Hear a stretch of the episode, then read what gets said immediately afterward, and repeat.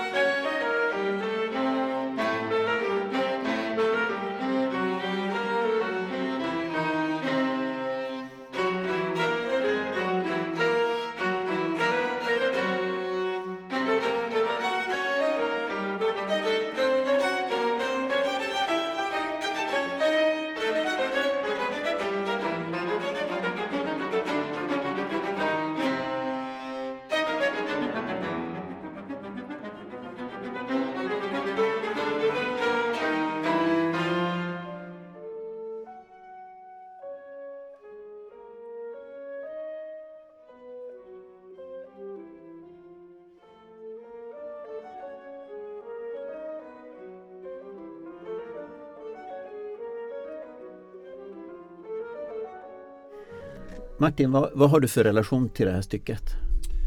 Ja, det går ju liksom way back. Jag, jag tror att jag var eh, jag var ju absolut eh, knappt tonåring tror jag. Jag var på en festival då jag hörde en ensemble repetera det här. Jag kommer ihåg att jag smög liksom runt fönstren på den här byggnaden de hade öppet. Det var en sommarfestival och blev alldeles eh, trollbunden faktiskt just av den sats mm. vi hörde. Den här unisona. Um, Eh, sen gick jag på konserten där det också var en introduktion. Så jag fick lite bak, eh, bakgrund av, när, jag, när jag lyssnade på det för första gången. Jag var som sagt var väldigt ung, jag tror kanske att jag var 14 eller 13, 14 år. Eh, men jag spelade ju klarinett redan då. Och sen väldigt kort därefter så började jag att liksom studera det där verket. Jag, blev, jag sögs in i det där. Och det var ju någonting spännande för att det är, det är någonting som har med tid att göra som är så spännande med det här. Eh, alltså att han upplöser tidsaspekten på så många sätt. Och det, det, där har jag tänkt nu efter när jag har blivit lite äldre att ett kvartett för tidens ände låter ju väldigt dramatiskt. Mm. Men det är också någonting som att han upplöser tiden på alla sätt, på ett metriskt I musiken plan. också? Ja, exakt. Ja. För om ni lyssnar, alltså ja. det här som vi just hörde, det är en sorts unison rytmisk sats men det är ju det finns ju liksom ingen, det är ju puls, mm. men det är ju inte en puls som går att relatera till ett metriskt perspektiv, alltså en, en, en fyrtakt eller en tretakt, utan det finns inga taktsträck i princip. Och de andra satserna, de som är solosatser och så här, de är ju så utsträckta i tiden så att de har mer med evighet att göra skulle jag säga. Alltså mm. han har dragit ut tiden till någon sorts så här, eh, ja, alltså tiden upplöses och jag tror det är det som, som också Aha. finns under här. Alltså, Messiaen var ju väldigt religiös, Ja. han var ju katolsk. Eh, Så att det här är ju inte ett judiskt fångläge, Vi vet, det är ju inget, alltså det är ett fångläge för, för franska Mm. soldater måste det Mm. vara. Stalag tror jag var. i Stalag. Och eh, ja, men jag tänker att, att han jobbade där med sin tro, sitt hopp i Mm. detta eh, förfärliga som han, som han var Men, i. men berättelsen stämmer alltså att han skrev det i och uppförde det Ja, i det stämmer. fång, Absolut. fångläger? Sen är det ju med alla historier, man kan säga att det här verket som, som, som sådant är ju det mest mytomspunna kammarmusikverk i historien. Mm. Man skulle kunna jämföra det med nästan med, med Våroffer, Stravinsky, alltså om man tänker på story, alltså där Mm. hade du ju liksom Paris, uruppförandet, Mm. skandalen, Nijinskis ballett och allt det här som allting gick och buropen och alltihop. Mm. Här har du en annan, en annan liksom historia kring det här verket som, som då skapade ett drama som nästan lika starkt som verket själv. Eh, och varje gång jag har gjort det här verket så har det varit tyst efteråt i åtminstone en, en minut innan folk liksom förmår sig att applådera. Det är någonting som eh, man kramas ut på något emotionellt plan. Eh, och det gör man ju till och med, alltså det gör man väl ännu mer om man för, har en aning om bakgrunden. Naturligtvis. Mm. När jag själv lyssnar på det så jag tycker också att det är gastkramande när jag tänker mig den här scenen och musiken får en annan betydelse när man ser det framför sig och också ser titeln. Mm, ja, det förstår jag. Mm. Precis. Men hur, hur, hur, hur tänker du att det, att det vad betydelsen var för Messiaen? Tror du att det här var tröstingivande eller är det att man ändå håller på med musik eller vad var liksom funktionen för honom? Ja, eh, jag tror att Messiaen hade nästan en, en obegriplig eh, på något sätt eh, i, i kroppen i alla fall och i, i sinnet ett, ett, en hoppfullhet. Mm. Alltså för han satt ju ändå i, ett, i en situation som var ganska dyster. Mm. Och jag tror att de som var omkring honom var, det, det var en dystopi hela situationen. Mm. Men att han förmedlade massor med hopp och det finns väldigt mycket hopp i det här verket. Alltså han eh, hyllar ju sin eh, tro, han hyllar eh, evigheten och ljuset. Och eh, väldigt mycket ljus och det slutar ju i en, i en makalös fiolsats som svävar upp liksom i någon sorts Ja, det är ju mycket extas också. Så, så han levde nog i en det, det här stycket tycker jag för mig är mer ett tillstånd än musik. Mm. Skulle jag säga. Alltså man, man hamnar i någonting som är tidlöst men det finns ingen liksom, start och mål i, i någon vanlig bemärkelse i ett musikaliskt sammanhang. Nej, det, det tycker jag blir betydelsebärande på något sätt att det är så Ja, just Ett- inte inramat av Nej. sådana attribut. nej. Och det, det är något, ett tillstånd, det är liksom som ett, en, en haschpsykos eller på säga. Alltså Ja. någon sån där, man går in i något och så bara finns man där ett tag. Mm. Både som lyssnare och som utövare. Och det skrevs ju då det här och uppfördes då det här stycket under en period eh, med så stora omvälvningar och skeenden som måste ha inneburit exponering för olika typer av trauman och föreställer jag mig också efterkommande posttraumatiska stresssyndrom. Mm. Stämmer det Maria? Och vad, vad är egentligen posttraumatiskt stresssyndrom? Mm. Du börjar prata lite om tid här och, och liksom evigheten och så. När vi pratar om trauma, då har vi gärna liksom en definition av att vi vill ha saker som är väldigt avgränsade i tid. Så eh, när vi tittar liksom på en diagnos som posttraumatiskt stresssyndrom, då liksom utgår vi från att det är en händelse som man liksom kan skära ut en liten, en Mm. liten bit av tiden. En väldigt specifik händelse som ska utmärkas då av att man antingen att man var i livsfara eller att man trodde att man liksom på något sätt var under en allvarlig, att det skulle kunna hända något, något allvarligt med en själv då. Eller sexuellt våld. Det är den vanligaste definitionen. Ehm, och när jag hör er prata lite om det här verket så tänker jag att när man är med om den typen av svåra händelser, liksom en allvarlig händelse där man tror att man, här kan någonting hända mig, jag kan dö eller jag kan råka väldigt illa ut eller jag kan vara med om våld på olika sätt. Så är det sociala stödet väldigt viktigt. Så jag tänker Mm. lite här nu när du berättar om historien bakom verket lite grann också, att, att ha de här människorna sen som man för upp det här verket tillsammans med och ha en mening också i det här mera långdragna. Eh, för det här är ju inte en, en händelse som var över på några minuter utan det här var en, en långdragen händelse och man vet ju då att har man någonting som någonting som kan göra det mer meningsbärande. Tänker på Viktor Frankl där också, livet måste ha en mening. Att man har någonting som man kan engagera sig i, så är det väldigt buffrande för att inte få framtida men av det.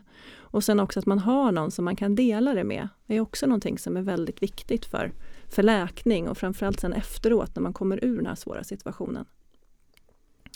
Är det trauma? Man, är det här något annat då om man tänker sig situationen med flera års krig och koncentrationslägen. Vad, vad, är, vad, jag tycker vad är det låter väldigt eh, spännande det här som Maria säger. För att jag tror att det är ju mycket det musik handlar om i, i generellt. Och i det här sammanhanget så var det ju verkligen det historien som sådan tror jag har blivit större och större. Därför att eh, han beskriver ju 6000 fångar och alla satt i isande kallt och tysta medan det här verket spelade. Men jag tror att det var lite mindre egentligen. Jag tror att historien växte i, i efterhand. Men hur, hur, stort eller litet det än var så var det, innehöll det ju precis det här du pratar om. Alltså en gemenskap eh, i det att de spelade tillsammans. De mm. fick de här instrumenten som vissa var halvtrasiga eh, och också att man delar det här musiken är så stark på det sättet. Och det, det, skulle jag säga det går ju inte att sätta fingret på om man kan återuppliva någonting men det är ju något väldigt påtagligt när man gör det här verket att man sitter, musicerar ihop och sen också lyssnar till varandra för det finns ju olika satser som behandlar olika teman. Så att en, en klarinettsats då som har en, en solosats som har som heter Abim Dios so, och det är väl eh, Fåglarnas avgrund som, som titel. Och, och jag tror att eh, när man väl sitter där och inte spelar då, när jag lyssnar på solisten som spelar med piano så, så är det ett oerhört deltagande alltså, och gemenskap. Så den där sociala biten finns ju naturligtvis och även i uruppförandet. Det kan mm. jag tänka mig. Sen är det ju spännande att du säger att det skulle kunna eh, vad du nu sa, buffra eller alltså, Det var lite skyddande ja, liksom, exakt. helt enkelt. Så, ja. Det är ju jättespännande, jävligt spännande mm. att man kan eh, För det upplever jag att det, att, att det är så. Men jag har ju ingen analytisk förmåga på det sättet. Men, mm. ja, men nu har du forskningsstöd på det också. Ja, bra. kan få referenser sen. ja. Och det gäller ju stressexponering generellt sett att, att har man ett sammanhang och socialt stöd mm. så finns det en viss eller ibland ganska stor effekt, skyddande effekt av att man mm. är lite trygg och kan dela upplevelser med andra. Ja, det är otroligt spännande aspekt. Det är för att det, jag, jag, tror att jag upplevde bo, bo, både och. Alltså mm. när man står, som jag gör, jag, jag gör ju liksom väldigt, väldigt ofta, eller 90% så står jag eh, framför en orkester och spelar eh, solo eller dirigerar och spelar eller bara dirigerar. Men man är ju ganska själv även om man har så mm. många runt sig.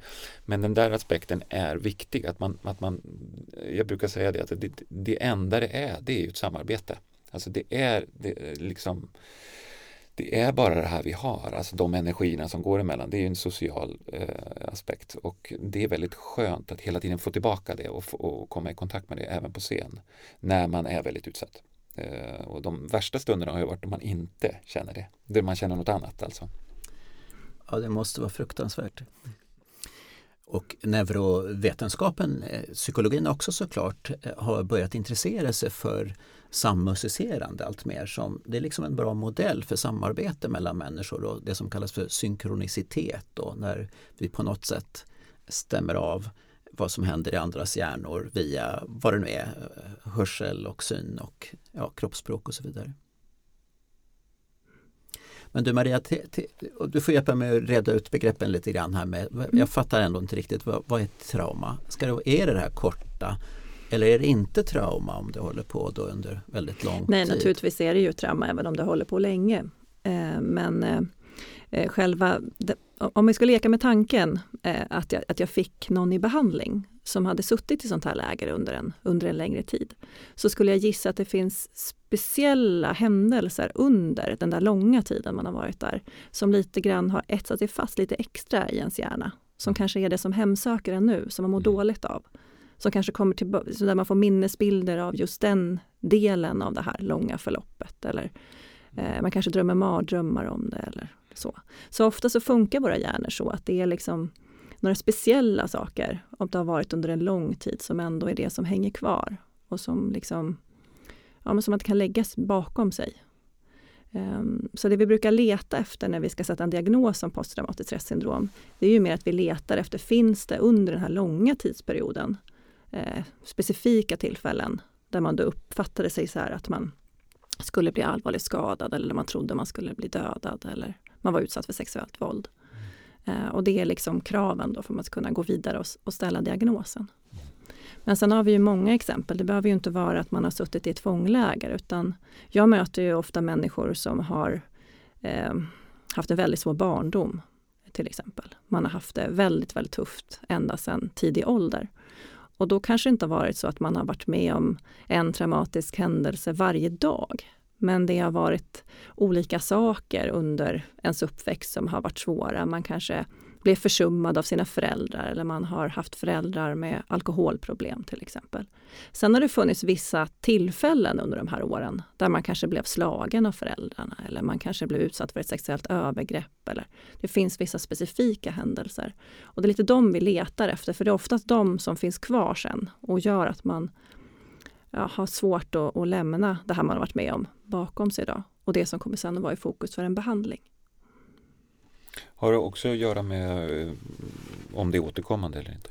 Måste det väl också? Ja, så vi, men då är det mer att vi, att vi ser att om man är med om saker som händer flera gånger, upprepade gånger, eh, då ökar ju risken att man får långvariga besvär. Så det blir lite som mm. att ju fler traumatiska upplevelser du är med om i livet, desto större är risken att du sen utvecklar ett tillstånd som posttraumatiskt stresssyndrom. Sen kan du ju också utveckla andra svårigheter när du varit med om en traumatisk händelse. Och det är också viktigt att säga, för du kan vara med om den här typen av händelser och, och mer utveckla depression eller eh, enbart ha sömnsvårigheter eller ha mer diffus ångest eller bli mer ängslig eller orolig av dig eller utveckla relationsproblem till exempel. Men det vi inte skulle säga att det är den här diagnosen posttraumatiskt stressyndrom. Mm. För att du ska uppfylla, liksom, eller få den diagnosen, då, då måste du uppfylla en speciell uppsättning då kan man säga av symptom. Och då måste du ha symptom som innefattar någon form av återupplevande. Och det är det här som jag var inne på förut då, att man kanske har jobbiga minnesbilder av händelsen. Eller till och med känns som att man slungas tillbaka liksom, vid tidpunkten till händelsen. Man tappar kontakten med här och nu helt enkelt och det känns som att nu är jag tillbaka där i det här lägret och jag känner doften av den här fångvaktaren till exempel. Eh, sen ska man också ha undvikanden så att eh, man måste ha någon form av undvikande, att man undviker saker som påminner om den här händelsen. Antingen saker inuti en själv, det kan vara själva minnet eller det kan vara kroppsliga sensationer. Till exempel om jag hade jättemycket hjärtklappning, eh, för jag var så rädd hela tiden när fångvaktaren kom, så kan jag ha jättesvårt nu att uppleva och ha hjärtklappning. Så jag kanske har svårt att vara ute och springa till exempel. Eller så är det situationer ute i vardagen som, som jag undviker. Jag kanske undviker eh, titta på era blåögda män till exempel för att eh, den, min förövare var blåögd och så till exempel. Eh, och sen så måste man också ha eh, vad man kallar då en förändring i kognition och stämningsläge. Det vill säga vi ser att om man är med om traumatiska händelser så förändrar det en sätt att se på sig själv och på världen. Så att man börjar ofta tänka väldigt negativt om sig själv. Att man tänker att oftast att det här är mitt fel och varför var jag utsatt för det här och varför händer det här mig? Och man kan vara ganska dömande mot sig själv. Och sen också att man tänker att världen är farlig. Det finns ingen jag kan lita på. Nu har jag varit med om den här händelsen och nu är jag inte trygg någonstans. Mm. Mm. Och sen det fjärde är att man också ska ha symptom på vad vi kallar då förhöjd vaksamhet. Mm. Så att man liksom, det här att man trippar på tårna och man är på sin vakt. Och man tänker att man, om jag skulle gå in här, att jag bara skanna, så här, var är utgången någonstans? Jag kan ta mig härifrån. Här, här finns det massor med blåögda män.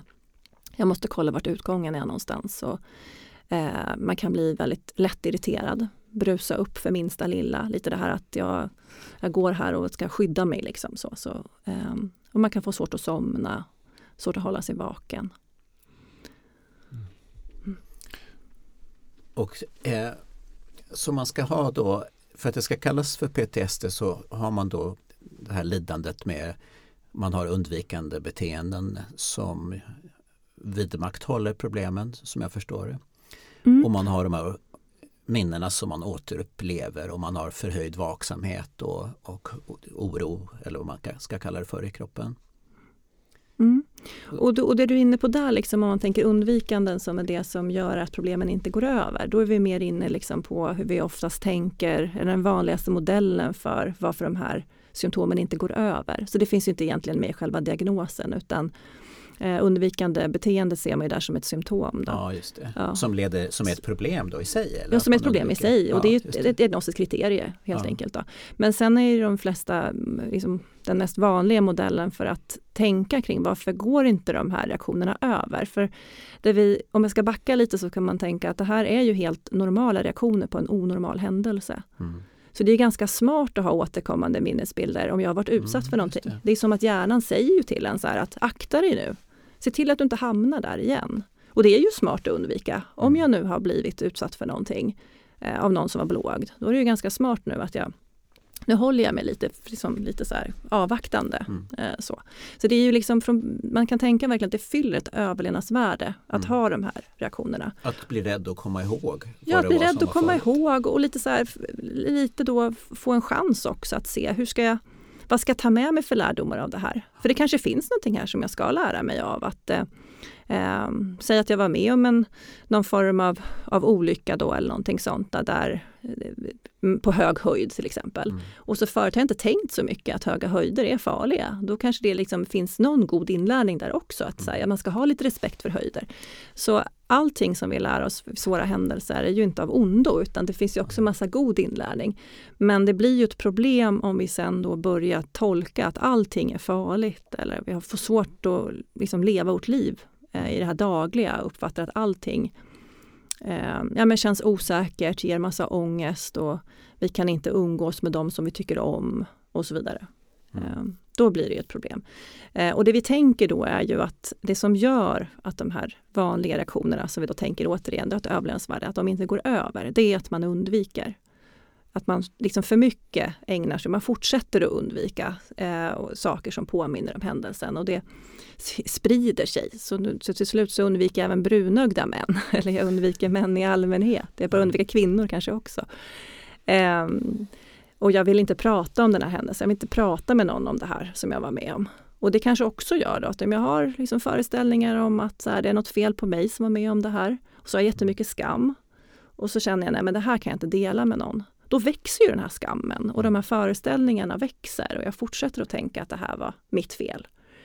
Ett väldigt um, tragiskt perspektiv tycker jag på, på trauman och på att vara utsatt. Att det är inblandat ofta, om jag förstår det rätt, anklagelser och att man förminskar sig själv eller mm. kanske till och med skadar sig själv. Och det kan man också tänka att det fyller en funktion på ett sätt. Att, hur, eh, Ja, det låter lite, eller hur, helt ologiskt ja. eller hur, på ett sätt. Men på ett sätt så, så kan man också tänka att um, det är lite smart, och på samma sätt som det kan vara smart att undvika, när precis man har varit med om någonting som har varit traumatiskt för en för att skydda sig själv, så kan det också faktiskt vara lite hjälpsamt att tänka att det här var mitt fel. För att det finns något trygghetsskapande i det. Om det var jag som skapade det här, om det var mitt fel, då kan jag ju förhindra att det här händer igen. Mm. Medan däremot om det nu var, liksom, det var slumpen, det var blixten som slog ner, då kan inte jag göra någonting åt det. Så det finns ju någonting liksom, på ett sätt, en, en, något, något funktionellt. lite magiskt eh, kring, mm. som man ofta gör. Det, ja. det gör man ju jätteofta. Det gör vi alla. Alla, mm. speciellt om man är barn höll jag på att säga, men man gör det ju som vuxen också. Men, men, men Maria, äh, hänger det där ihop också med, med det här som vi var inne på innan om gemenskap versus att man upplever någonting själv och också vilka trauman som är mer eh, på något sätt mer PTSD-skapande. Att om man, om man upplever någonting, om man sitter i ett fångläger då, eh, så är det sannolikt inte så mycket man kan göra åt det som individ. Medan om man är i en situation där det bara är man själv som blir utsatt för en våldtäkt eller ett, ett trauma av en annan person så kanske det är lättare att, att få de här skuld och skamkänslorna. Kan man tänka så? Ja, så kan man absolut tänka och man kan också tänka att om jag har någon att dela det med, då blir det också lättare att utmana de där föreställningarna. Då blir det lite mer som att så här, det var, det var vi tillsammans eller vi, liksom, vi, kan, vi kan hjälpa varandra och, och se då att det här är ju inte vi som har skapat det här mm. utan det här är ju vad orättvist det här är. Eller så här borde vi inte mm. vara med om. Att det finns en styrka i det. Och också att man att ha delat en sån stark upplevelse med någon och ha någon som vet hur det var, eh, gör ju också att man sen när man förhoppningsvis då kommer därifrån. För det är ju egentligen då vi börjar säga att, att det är en diagnos. Under, under tiden som det pågår så, så är det ju mm, vad ska man säga, ett, ett larmsystem som är helt adekvat att ha igång. Så det är ju sen när jag kommer tillbaka ur den här händelsen så, som vi tänker att det är en, en diagnos eller någonting som är problematiskt för en. Då har jag ju någon som jag kan prata med om det här. Och då bryter jag ju det här undvikandet. Om vi tänker då att undvikandet är en del av det här. Då har jag ju någon som naturligt att så här, vi kan dela det här. Eh, och det verkar ju vara någonting som är viktigt då för att kunna gå vidare. Det, när, när jag lyssnar på det här så, så tänker jag att eh, det här är alltså mer frågor. Det måste ju finnas, när du berättar nu, visst är det lite någon sorts, för att det ska bli begripligt för oss Därför måste ju finnas dels en, någon sorts gråzon och en skala och ett eh, enigma. Alltså att, att det inte alltid är så himla solklart när du säger så här. Det, och det är traumat och så undviker man och sådär. För jag, menar, jag känner hundratals människor som har nerverna på ytan och som är rädd för det ena med det tredje och som inte kanske behöver ha något jättestort trauma i bagaget. Eh, och om jag tittar på mitt eget liv så har jag både trauman och icke-trauman eller också gömda trauman som har skapat massor med saker som jag har och bär på. Men jag kanske har valt att utsätta mig i alla fall. Eh, och så kan man ju också göra. Bara ta en sån sak med att stå på scen. Det är ju inte alla som står på scen som gör det väldigt bra, som är bekväma med det. Och jag tillhör absolut dem. Alltså jag, jag är inte bekväm med att stå på scen. Och ändå står jag på scen över hundra gånger om året. Och, och, många gånger av dem så är jag oerhört obekväm på scen. Eh, och där finns ju någon koppling då i musiken. Att man, för, för det, är ju, det, där kan man ju, det är därför det är så spännande att lyssna på det. För där kan man ju också känna liksom att traumat i sig betingas hela tiden. Liksom att jag har någon mm. sorts upprepa det här traumat. Men varför gör du det? Och så står man där i musikfärgen och känner så här ah, jag måste bara göra det så bra som vanligt och så blir det mer och mer jobbigt. Men någonstans där när det, när det infinner sig någon liten gnutta av frihet eller magi så tycker man på något sätt att det är värt det då. Och så smittar det där ögonblicket av sig lite i tid och så skapar man en musikalisk litet sådär rum att leva i. Men, men de andra tillfällena är ju stora också, då man bara står och svettar sig genom en, en konsert. Mm. Eh, och speciellt, alltså jag har ju ett instrument som, som i och för sig som vi, vi hör har stor musik skriven till sig men de är ganska få. Vilket gör att jag spelar ju samma stycken många gånger. Så att jag har ju spelat eh, i, i, i mm, Amsterdam har jag kanske spelat 20 gånger Mozarts klarinettkonsert i samma sal för delvis samma publik under då mm. ett lopp av 25 år. Och likadant med Carnegie Hall. Och så. så att alla önskar de här samma konserter och då kan ju verkligen det här infinna sig att man du måste bara göra det så bra som möjligt och så blir det ett enormt potentiellt misslyckande i detta. Liksom. Mm. För du måste bara briljera eller upprepa det du kan. Och jag tycker ibland att man kan, de, det är naturligtvis på en väldigt mikronivå, men man kan skapa trauman själv och jag har ju absolut gjort det. Utan... Men du har ju också förhållit dig på ett sätt till dem som nu ska jag vända mig till Maria för jag tänker att du som terapeut, vad, vad, mm. vad skulle du säga om Martins förhållningssätt då? Att han utsätter sig för de här sakerna? Ja. Skapar han nya trauman eller tvärtom att han minskar deras betydelse? Ja, jag tycker det är fantastiskt att vi fortsätter och, och gör det som du brinner för. Så det är det första som jag slås av. Eh, sen så skulle jag lite vilja korrigera er båda faktiskt. Jag tycker inte att han utsätter sig för någonting, utan mm. jag tycker vi ska reservera ordet utsätter sig för mm. när det faktiskt är någonting som är farligt. Så att jag tänker att okay. det här att stå på scenen där, det är ju visserligen någonting som är väldigt svårt för dig, det hör jag ju. Så, och du kan få väldigt starka kroppsliga reaktioner. Men det är ju ingenting som är farligt i sig. Så jag tror vi ska skilja på liksom så här, vad, är, vad är befogad ja, rädsla och vad är obefogad rädsla. Det där är bara spännande som idé och även jag sa det till min orkester som, eh, i Svenska Kammarorkestern här sist jag var där, sa jag exakt som du sa så här, att för att det blir så på sånt otroligt blodigt allvar. Vi spelar in på Sony och alla är nervösa och det ska bli bra så här. Och så, och så kan man plötsligt få den här, exakt den här ingivelsen. Men tänk, tänk på det här att det finns inget egentligen farligt med detta. Vi är alldeles fria, vi skapar musik och vi älskar det här. Och så liksom kommer den här totala motsatsen och den är så spännande eftersom jag mm. alltid spelar på, på, på, något sätt på liv och död och, och det här du säger att det är, jag tror att obekväm, eller det här dramatiska som man känner eh, när eh, Mats säger att jag har gett rätt eller fel. Jag kände mig obekväm med allt och därför spelade det ingen roll vad jag gjorde. Så har jag tänkt många gånger. Så jag skulle kunna gå väldigt långt ut på en obekväm linje. Jag har ju liksom gjort eh, märkliga saker inom mitt gebit som har eh, till, eh, nu senast, jag kom precis från Berlin nu då jag fick eh, en skiva som fick ett pris och så skulle jag hålla ett tacktal och då sa de, eh, samma dag så sa de så här Säg inget ointressant för då klipps det bort i tv. Så, så, så, för alla kommer att tacka sin mamma och pappa. Så, säg inget ja. oh, men vad ska, så säg någonting. Så här, för säg något djupt. Ja, och så gick jag ut och så berättade jag ett barndomsminne istället. Som handlar om att jag såg Gud i en lövög. Eh, och eh, tills min barnflicka viskade i mitt öra att det var ingen gud utan ett djur. Och så spann jag på den här historien och pratade om eh, imagination and creativity. Eller något sånt där. Mm. Och, det ut, och, och, det här är en sann historia. Sen, sen senare på, på kvällen så, så går jag ner till stranden och så kommer den här vesslan gående och ställer sig framför mig och tittar på mig. Eh, och så försöker jag vifta med handen för att, för att skrämma den och så blir den inte rädd och så tar den ett steg emot mig. Och som jag minns det då så, så väser den åt mig och den säger fantasi är till för alla. Och den här historien berättar jag och hela publiken liksom det blev, det blev en otroligt annorlunda sak. Så tänkte jag det här är på grund av att jag har övat så många gånger på att känna mig obekväm så jag, jag kan gå ut och säga något helt out of the box för att det spelar ingen roll om jag tackar mamma, pappa och skivbolaget eller om jag berättar den här historien. Och vissa gånger är det ju oerhört effektivt att mm. kunna göra sådana saker. Men att kunna tolerera obehag, det är ju ja, exakt. Det är en det jätteviktig färdighet det var det att kunna göra. Det är inte farligt, men Nej, att man har farligt. lärt sig under mm. decennier att vara mm. utsatt kan skapa att mm. man blir väldigt lugn mm. ibland, när det väl ja. gäller. Liksom. Men jag skulle vilja ord? vända på det då och säga ja. att det, det, du gör det är att du utmanar dig. Så. Ja, det är jättemodigt, så så skulle jag vilja säga det mer. Att, liksom, att utmana sig i den här typen av situationer, det är inte farligt. Nej, det är inte farligt. Men det känns ju som att det, det är Men det känns ju som det, det är som på liv och död. Det, det, mm. det, det, känns ibland som det är på liv och död, men, men mm. poängen, eller egentligen problemet är ju att om man lever som jag gör och många, många andra med mig, så är ju vardagen ibland mycket mer svårhanterligt. Det kan jag uppleva. Alltså när du inte får detta eh, som du själv upplever, för jag har väldigt svårt att gradera dramatik och gradera obehag. Eh, och jag förstår att det finns händelser som då är farliga. Där ska man då skilja på det här med.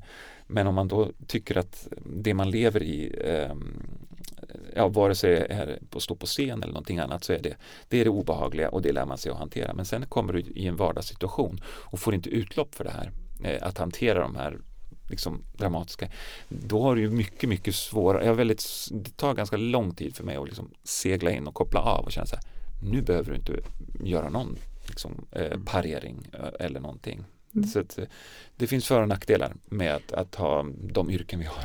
Ja, och det säger någonting om hur starkt det här är. Det är ju precis samma sak som vi ser hos till exempel amerikanska veteraner mm. när de kommer hem och är mm. traumatiserade. Vad svårt det är när det är lugnt sen. Man får svårt att förhålla sig till det. Men du skulle i alla mm. fall göra den där diskrepansen. Jag tycker det är spännande mm. för att jag känner ju precis det där ibland att, att eh, i, i, i i alla fall tio års tid så tyckte jag själv att du är ute vid fronten, du krigar. Det är precis det du gör, även om du skapar musik, även om du gör så så är det så sjukt allvarligt för dig. Det är på tok, du har liksom inte njutit tillräckligt. Så tänkte jag liksom när jag var 40 i alla fall. Eh, så sen, och sen blev det bättre. Sen blev det betydligt bättre eh, de, de senare fem åren, de senaste fem åren i alla fall. Mm.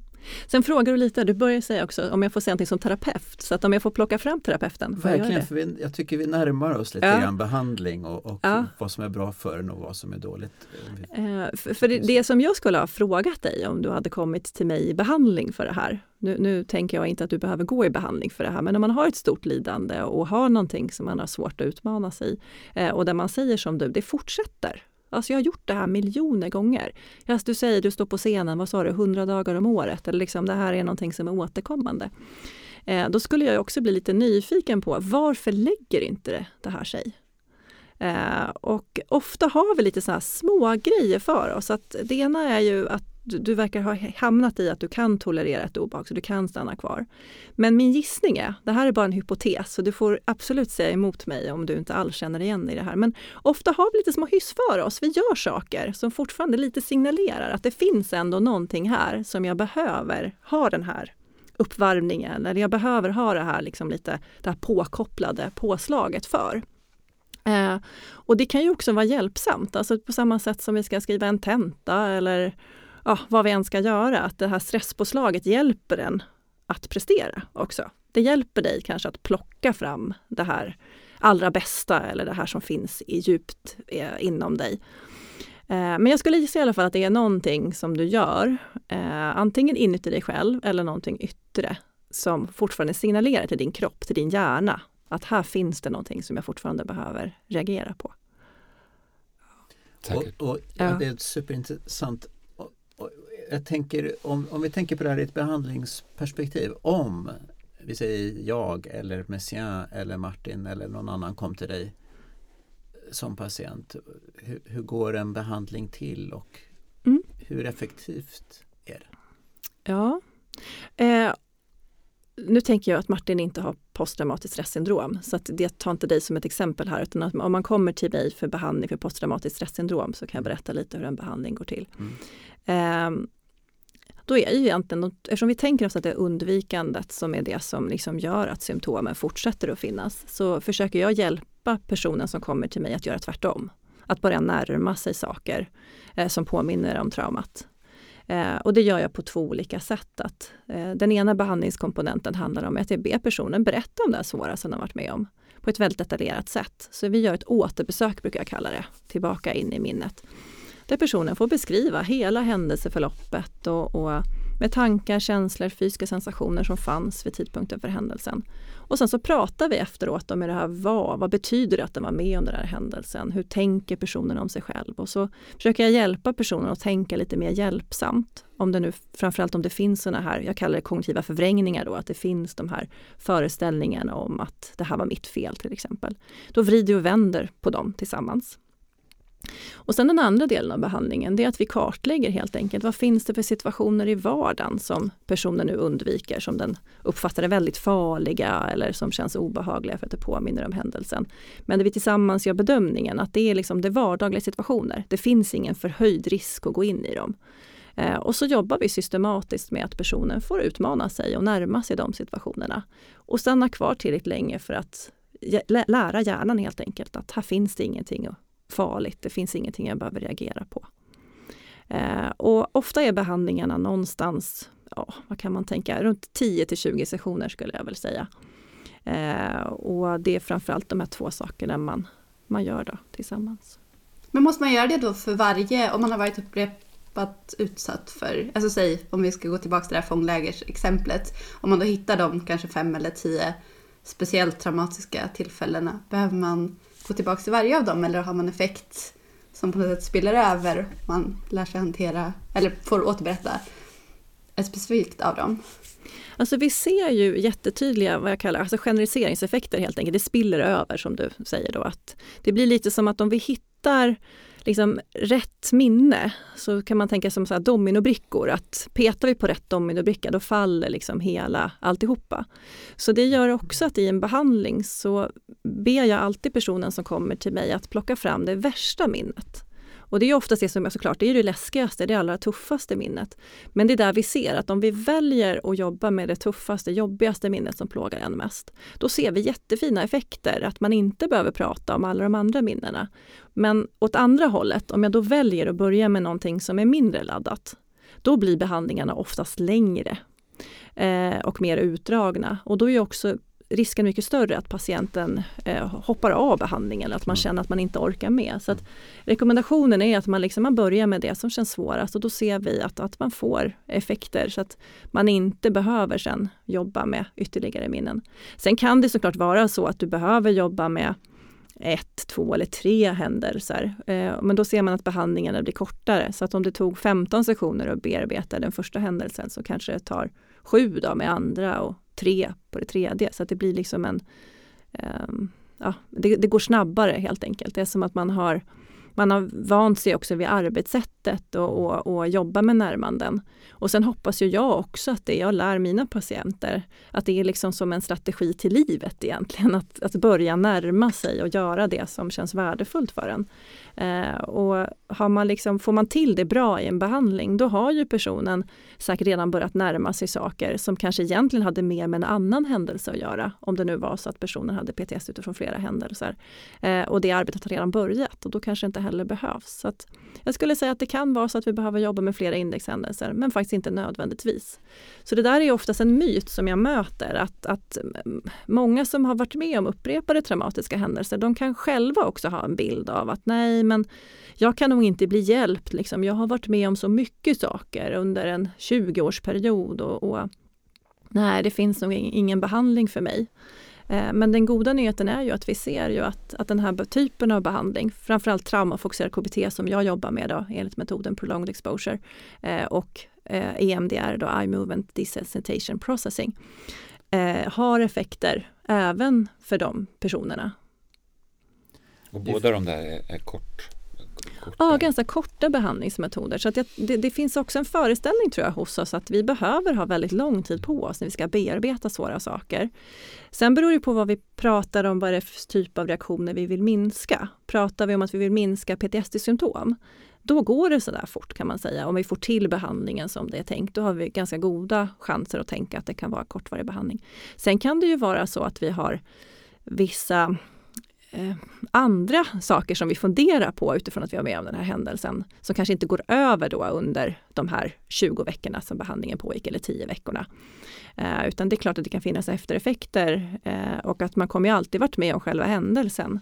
För det önskar jag ibland att man kunde liksom lite så här avlasta personer. Kunde man plocka bort eller dela personernas händelser på något sätt. Men det kan vi ju inte utan det vi jobbar med är ju reaktioner i, idag och få bort dem. Vi kan ju inte sudda bort det. Så en del kan ju sen handla om, när man väl har blivit av med sin PTSD, att jobba med en form av acceptans av att jag har varit med om de här sakerna.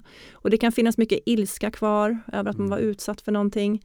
Mycket sorg också över förlorad tid och, och år som har gått till spill och, och saker man inte kunnat gjort. Och, så det kan vara en sorgeprocess i det också. Du nämnde eye movement desensitization. Eller hur? En reprocessing. Mm. Reprocessing Så säger man nu för tiden. EMDR. EMDR. Ja. Vad i all sin dar är det? Och jag råkar veta att på American Psychological Associations hemsida då står det så här när man utvärderar hur bra forskningsstöd det finns för den behandlingen. Då står det så här Strong Research Support och så inom parentes Controversial. Mm. Ah, ja. Vad, är nu det här? Ja, precis. Um, Ja, jag jobbar ju inte med MDR själv här så jag vill bara säga det som en så här liten brasklapp då. Eh, men eh, EMDR är ju en, en psykologisk behandlingsmetod som rekommenderas också precis på samma sätt som traumafokuserad KBT mm. görs för behandling av mm. PTSD. Det som har varit kanske lite i blåsvädret då, eller liksom som har varit kanske controversies då, eh, det är väl att EMDR bygger på en mycket, mycket mer avancerad teori kan man säga då, som både plockar saker från KBT, eh, psykodynamisk terapi och lite neuropsykologi, hur hjärnan funkar och så.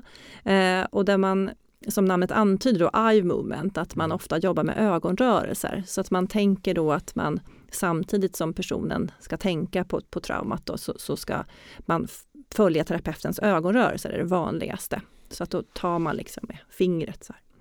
Eh, och det gör man då för att man vill få till en bilateral stimulering. Man vill liksom få med båda hjärnhalvorna i bearbetningen. Eh, och det är väl den som har varit liksom lite kontroversiell och att, att liksom själva grundteorierna då har mm. i viss grundforskning visat sig inte stämma och sen när man har gjort någon metaanalys också så har man sett att de här ögonrörelserna inte verkar spela så stor roll. Eh, så, så ja, ibland så pratar man då om att kanske att det är ungefär samma komponent eller effektiva behandlingskomponent som i, KBT, att det är det här att exponeringen liksom som är effekten. Då. Men jag vet att det finns många som, som skulle argumentera emot mig där också. Men, men att det är en effektiv behandlingsmetod, det vet vi. Ehm, men stormen har väl mest varit kring teorierna bakom. Och det är inte ovanligt att vi inte vet egentligen då, om man ska vara ärlig, varför eller hur en behandling fungerar. Även om vi har avancerade teorier och kanske kan visa att någonting fungerar. Och det är ju egentligen samma sak också med, med, med eh, traumafokuserad KBT, ja. att det, det finns en, ja. ja. en del grundforskningsluckor även där. Så att, Eller antidepressiv medicinering har vi mycket begränsad förståelse för varför det fungerar. Och så vidare. Jag, jag tänker på eh, eh, Martin, du, du, mitt i din stormande karriär så drabbades du av Meniers sjukdom. Stämmer. Är det här, det, det, låter ju som ett, någon typ av trauma. Eh, känner du igen dig liksom ur den när du drabbades av detta med hur du skulle hantera detta eller vad du mm. drabbades av för känslor? Eh. Ja, fast det är ju liksom, nu är jag ju lite färgad av vad Maria sa här om rikt, jag vet inte om man, om man eh, kan generalisera, men det är ju också någon typ av den är ju inte dödlig och den är alltså sjukdomen då. Mm. Eh, och sen är, så är den ju förfärlig att ha när man har skov och sen ger mm. den ju lite andra biverkningar som är positiva. Så, så, så kan man ju verkligen se det. Mm. För att det, det, är ju inte som att ha varit utsatt för ett eh, som ett trauma på det sättet som, som Maria jobbar med. Utan jag skulle säga att mm, Ja, nej men jag vet inte. Det, det, det, är klart att det är förfärligt. Jag, jag har haft ett mm. skov nu under pandemin på, på sju månader och då bor man ju på badrummet liksom för att det snurrar så himla mycket hela tiden. För att man helt enkelt bara spyr. Hela rummet snurrar ju varje eller varannan dag. Eh, men sen så släpper det efter ett tag och då sätter man ju värde på livet. Till exempel. En, bi, en, biverkning är att man sätter värde på livet. Ja. En annan biverkning är att man fokuserar väldigt, väldigt mycket på de viktiga sakerna och mm. kroppen blir mer och mer liksom lugn i det som eh, verkligen betyder saker. Mm. Eh, sen så blir man bättre på att ta det lugnt. Alltså jag, jag, jag, tycker att jag men nu är jag så himla positiv för att jag har fått hörseln tillbaka och för att, att det har slutat snurra. När man är i det så är det ju precis tvärtom. Då, mm. då tänker man att nu är det slut. Och nu måste jag lägga av och nu tappar jag all hörsel. Och nu måste jag bara liksom ja, det blir väldigt påtagligt. När du, när du är musiker och så hör du inte och så snurrar hela världen hela tiden. Eh, och när du har anfall så snurrar det så kopiöst. Jag fick det i bil en gång och då åkte, åkte man ju av vägen. Liksom. Så det går väldigt fort ibland. Men, eh, nej, men jag vet inte, jag tror inte du kan jämföra egentligen med, med ett, ett, ett sånt där traumatiskt ögonblick. För att det är nästan ett symptom. Alltså du, mm. Vi blir ju sjuka för miljarder anledningar. Mm. Och det här är ju liksom Vissa säger att det är stressrelaterat. Jag, brukar, alltså jag har fått upp så många skov på så många olika ställen så jag har ingen som helst aning vad det beror på. Utom att det är något autoimmunt och att det en inner ear inflammation liksom, mm. som, som är Men så har du inte stressrelaterat? Nej, alltså jag har inte haft det. Men sen kan man säga att jag har varit stressad på många sätt jättelång tid och uh, att, att man liksom kan få ut att man har en svag punkt. Så mm. kan det vara. Så kan man ju förklara att, att mitt, mitt öra på vänster sida var, var liksom ömtåligare än andra kroppsdelar och tog mm. smällen. Så kan mm. man ju säga. Sen kan man också säga att, att, att kroppen efter 20 års turnerande behövde vila så att man fick liksom slås till marken. Det, kan man också, det finns massor med filosofiska anledningar för varför, varför man skulle kunna tänka sig att bli sjuk. Mm. Men, men eh, jag tror på något sätt att när man är, alltså när jag är frisk så känner jag mig mer tacksam än vad jag skulle tänka mig att det som Maria jobbar i, då, då försöker man ju bearbeta något som färgar en väldigt negativt. Här är det ju en grej som skulle kunna då eh, göra nästan det motsatta, att du har haft någonting. För det tror jag att jag har utvecklat många gånger, att jag liksom fått fysiska symptom på alla möjliga sätt. Mm. Eh, som då kanske har med mm, trauman bak, bakåt att göra. Mm. Eh, det här med att undvika som du pratar om. Eh, det här är ju ett sätt att undvika. Alltså kroppen tänker så här, nej, han orkar inget mer, vi måste sätta stopp. Jag vill inte att han turnerar någonting mer. Mm. Och så får man två effektiva saker. Det snurrar och du hör ingenting, det är slut. Mm. Så på så sätt signalerar ju kroppen att nu tänker jag undvika att spela. Mm. Eh, och sen när du vaknar upp liksom efter det här så, så upplever jag att du kan bli inte, du blir lugnt tacksam. Och så gjorde jag fem grejer. Jag slutade med alkohol, jag började motionera, jag slutade stressa och jag mm. ändrade kosten lite grann. Fantastiskt. Så det, det, jag tror att det, alltså får du sådana effekter av trauman så är de ju eh, då är det någon sorts självbot om du slipper att hörseln utsätts igen. Jag tänker lite på dig Sandra och dig Maria, ni som är kliniker. Sen, hur vanligt är det att man liksom tar till sig en förändring som väl är uppenbart negativ men där det ändå kan bli kanske en, en, eh, en stimulans att ändra någonting i sitt liv som kan bli till det bättre. Har, ni jag tänker att det är ganska vanligt. Eller Ja. det beror också väldigt mycket på vad det är för typ av sjukdom någonstans. Det är ju ändå det här liksom att man får ett uppvaknande av att man fick någonting som potentiellt sett var farligt men sen gick det bra. Eh, Så folk som faktiskt började motionera efter att de hade den där lilla stroken eller, eller sådär. Att det inte, det tycker jag man ser. Men jag tycker det är intressant också med, med om man nu ska tänka på de här som får riktigt på något sätt akut farliga eh, saker som till exempel nu i samband med pandemin, alla människor som har legat på IVA eh, där det har gått ett väldigt snabbt förlopp som har varit väldigt problematiskt. Där vet man ju att, att de personerna eh, kanske då inte i första hand kommer tänka att de ska börja motionera utan där är det ju väldigt hög risk för att man ska få följdverkningar. Jag vet inte, Maria, du har säkert bättre koll på, på det än jag också, men just patienter som, som har vårdats i intensivvård, alla återupplevanden som de har är ju väldigt påtagliga. Det är ju också någonting som man har tittat mycket på här nu under pandemin eftersom vi har ett större antal nu i Sverige som intensivvårdas. Så det är ju intressant att ta upp det också Sandra. Där man lite förväntar sig nu också en mycket högre frekvens av posttraumatiskt stressyndrom helt enkelt eh, i den gruppen. För det har man sett eh, vid tidigare epidemier, eh, åtminstone bland intensivvårds eh, omhändertagna, eller hur? Ja, det har man gjort. Det har man sett vid sars-epidemin till exempel. Och, och sen har man ju sett det också generellt att vi vet ju bland intensivvårdare att det är en ganska stor andel som kommer att ha symptom på posttraumatisk stress eh, ganska långt efter eh, intensivvården då, som inte har, där det inte har varit en pandemi utan mera liksom att man är med om en bilolycka eller man har behövt ha intensivvård av olika anledningar. Eh, så att eh, bli intensivvårdad är ju en potentiellt traumatisk händelse. Mm. Mm. Eh, och Maria, en annan grej som, som jag vet att du har hållit på med mycket och som jag tycker är jättespännande, det är det här med om man potentiellt kan förebygga att folk utvecklar PTSD när man vet att någon har varit med om ett trauma.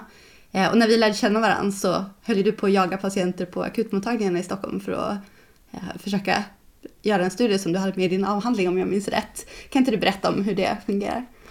Ja, det här med att jaga patienter på eh, ett akutsjukhus, eh, så, det gick ju inte så bra då. Eh, så, så att, det, den kan vi ju glömma då. Det blev ju en, en a terminated trial så att säga i förväg.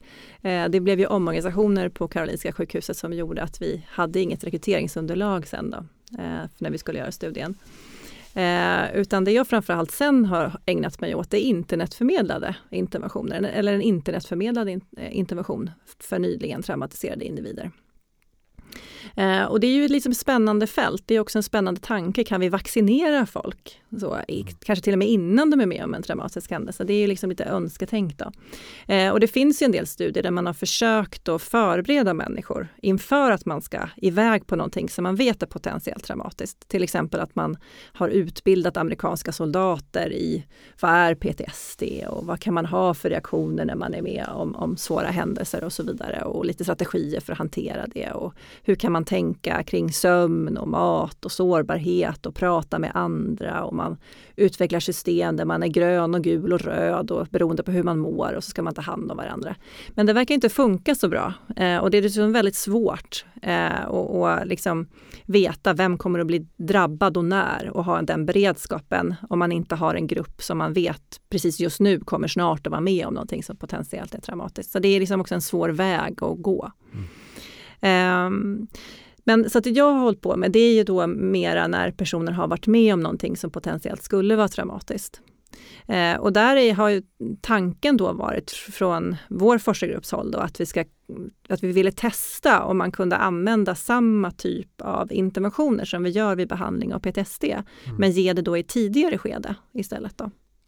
Eh, och då finns det också en historia här, för de, den som inte är så insatt i det här med tidiga insatser så kan det vara värt att nämna då att man har varit ganska rädd helt enkelt att låta personer prata om det här man har varit med om i ett tidigt skede utifrån studier då som har funnits lite längre tillbaka i tiden på någonting som heter Critical Stress Incident Debriefing som har varit liksom den förhärskande modellen under väldigt, väldigt många år, både kliniskt och, och forskningsmässigt. Eh, som visade sig sen då att det, den förebygger inte PTSD eh, och till och med så är det vissa människor som far lite illa av att prata om händelsen på det där sättet då, som man ska göra. Man ska liksom ösa ur sig det man har varit med om. Eh, så under en ganska lång period så, så, var det rätt stilla på den fronten och man nästan forskade nästan bara på läkemedel under en period för man tänkte nej men det där var ju negativa effekter så det kan vi inte göra. Men sen började det komma lite studier ändå som visade att den här formen av traumafokuserad KBT, då, prolonged exposure, som jag håller på med, har visat sig ha lovande effekter även i ett tidigt skede. Så det jag har gjort i mina studier då, det är att jag utvecklade då en tre veckor lång internetförmedlad eh, prolonged exposure behandling med behandlarstöd. Eh, och sen så rekryterar jag istället personer via media och, och ja, nyhetstidningar, sociala medier framför allt. Eh, och sökte helt enkelt efter personer som har varit med om en traumatisk händelse de senaste två månaderna och som led då av symptom på posttraumatisk stress och som önskade hjälp. Eh, och sen erbjöd vi den här internetförmedlade behandlingen. Då. Så vi träffade inte personerna fysiskt utan vi gjorde en telefonbedömning, kollade av då helt enkelt så att de hade den här typen av symptom som vi trodde vi kunde hjälpa till med. Och sen också såg till att man inte hade något överordnat problem som behövde tas om hand, att man var akut suicidal till exempel eller någonting sånt. Då. Eh, och sen så slumpade vi då de här personerna som sökte till oss. I den större studien som jag gjorde då var det 102 deltagare så att hälften startade behandling på en gång och då gick de tre veckor internetförmedlad behandling.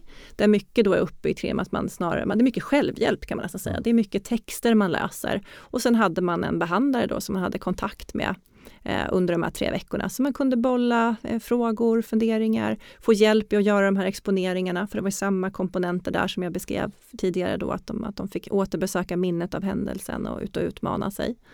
Eh, och så skickade de in eh, som hemuppgiftsblad eller man ska säga då elektroniskt och fick feedback på det. Och så jobbar man på så i, i, i tre veckor. Eh, och sen följde vi dem också efter en månad, efter ett halvår och efter ett år. Och den andra gruppen då som inte fick behandling på en gång, de fick vänta i sju veckor. Så de fick starta behandlingen efter en månads uppföljningen kan man säga. Då. Och så jämförde vi sen då de här två grupperna och kollade hur det gick då. Eh, och där såg vi att den här tidiga insatsen, dels att den inte var associerad med några liksom, allvarliga biverkningar, så det verkade inte som att det var farligt på något sätt. Utan, eh, och det var tolerabelt. Det funkade jättebra att göra det på det här internetförmedlade sättet och, och många av våra deltagare sa också att det här hade nog inte varit möjligt om jag hade träffat någon fysiskt. För att eh, jag skäms så mycket för det här. Jag har så mycket liksom, föreställningar så att det här att göra det via nätet, det var, liksom, det var jättehjälpsamt. Jag behövde inte träffa någon, jag behövde liksom, jag fick konfrontera lite mer i min egen takt. Då. Mm. Eh, och sen så såg vi också jättefina behandlingseffekter. Så ett sätt att mäta behandlingseffekter på i, i psykoterapi, det är att vi pratar om effektstorlekar. Eh, och då brukar man, eh, liksom, kat man kategorisera det i att det finns behandlingar som har små effektstorlekar och så kan de ha medelstora och stora. Eh, och vi hade då, när man tittar på de här symptomen på posttraumatisk stress, så hade vi eh, stora effektstorlekar. Så, så att det var en ganska stor effekt vi fick av den här korta interventionen. Eh, så jag tycker den här typen av forskning är jättespännande eh, och vill gärna gå vidare och, och, göra fler studier. För nu jämförde vi ju bara då med eh, väntelista kan man ju säga att personerna fick vänta, så vi jämförde ju med naturlig läkning. Eh, och det är ju ganska rimligt att vi gjorde och det eftersom vi tänker att de flesta kommer att återhämta sig av egen kraft. Och ändå så såg vi de här jättestora skillnaden då mellan grupperna. Eh, att de som inte hade fått den här interventionen mådde ganska dåligt efter de här, efter de här eh, sju veckorna som de väntade. Då. Eh, så att, eh, jag tror mycket på att vi ska, kommer jobba mycket mer med den här typen av tidiga insatser framöver. Spännande. Och det blir också väldigt eh, relevant i sådana här situationer som om det är en pandemi som pågår att man kan snabbt få ut den typen av interventioner till vårdpersonal eller mm. till personer som har varit drabbade eller att man kan distribuera den på ja, så här, de här mottagningarna för våldtagna eller på det sättet jag tycker det är... Ja. Det Ja, väldigt, väldigt spännande det du håller på med. Det där Och hoppas sa, att det blir mer tillgängligt. det du sa om nätet, delar du den uppfattningen att det, att det funkade väldigt, väldigt bra på just Ja, jag, gör- alltså, jag, spännande. Alltså det, det ska jag också säga så här då att när jag startade min doktorandresa då ähm, hör till saken då att jag har ju, hade en huvudhandledare som har jobbat mycket med internetförmedlade interventioner. Så när vi skulle börja med det här med tidiga insatser efter, efter trauma, då sa han till mig så här, men Maria, ska vi inte göra något internetförmedlat? Och vad tror ni jag sa då? då? Aldrig, aldrig i livet. Aldrig i livet, det går inte med Det är jag som är viktig. gruppen. Ja, Terapeuten. det är, precis, det är jag som är viktig. Jag tycker liksom, men alltså, absolut OCD och sånt där, liksom, det kan man ju göra via nätet. Men, men, men trauma, det går inte, sa jag. Eh, sen hade det inte gått ändå av olika anledningar, för då eh, den, den forskning vi skulle göra då var kopplad till Karolinska sjukhuset där jag då var anställd och vi skulle få in det liksom i ett eh, eh, i ett arbetsflöde kan man säga då eh, på psykologkliniken där. Så det hade ändå inte gått. Men det är lite spännande att jag själv från början sa att det här kommer inte funka. Och sen vi fick lägga, ja, och sen fick vi lägga ner de här studierna så, som jag höll på med när vi sågs på forskarskolan eh, och tänka om lite. Och då var det lite som att så här, vi hade ont om pengar och, och ja, kunde inte, hade liksom inte tid att börja eh, lobba. För, alltså förberedelsetiden för att göra studierna på KS, det var kanske, vi höll på i tre år. Så, så det var också så här, ska vi börja om någonstans? Och så sa vi, ska vi ändå testa det här med internet? Liksom så. Det är så här, ja. Men, men nu är din också analys att det fanns Ja, och nu är det helt grejer. tvärtom. Nu Ja. är jag så här, bara, nu är jag helt såld. Jag är så här, varför gjorde vi inte det här tidigare? Jag tror att det kan funka på andra områden också. Liksom, med, med, Ja, det är ju någonting som vi ser. Alltså internetförmedlad behandling eller KBT-behandling är ju väldigt etablerat inom andra områden och andra ångesttillstånd till exempel. Eh, Men det finns inte så mycket just vid trauma eller PTSD. Ja, men eh, det, det finns så himla många frågor kvar som vi skulle vilja prata om. Eh, men podden är ju inte slut så att vi får ju fortsätta i något annat avsnitt och fortsätta prata om stress och kanske PTSD. Eh, så innan vi avslutar så tänkte jag bara passa på att tacka er, Maria och Martin, för att ni var med idag. Jag tyckte det var jättespännande. Eh, och eh, såklart tack till dig Mats också, som vanligt. Och eh, vi hörs snart igen. Tack så tack mycket. så mycket. Tack för att jag fick vara med.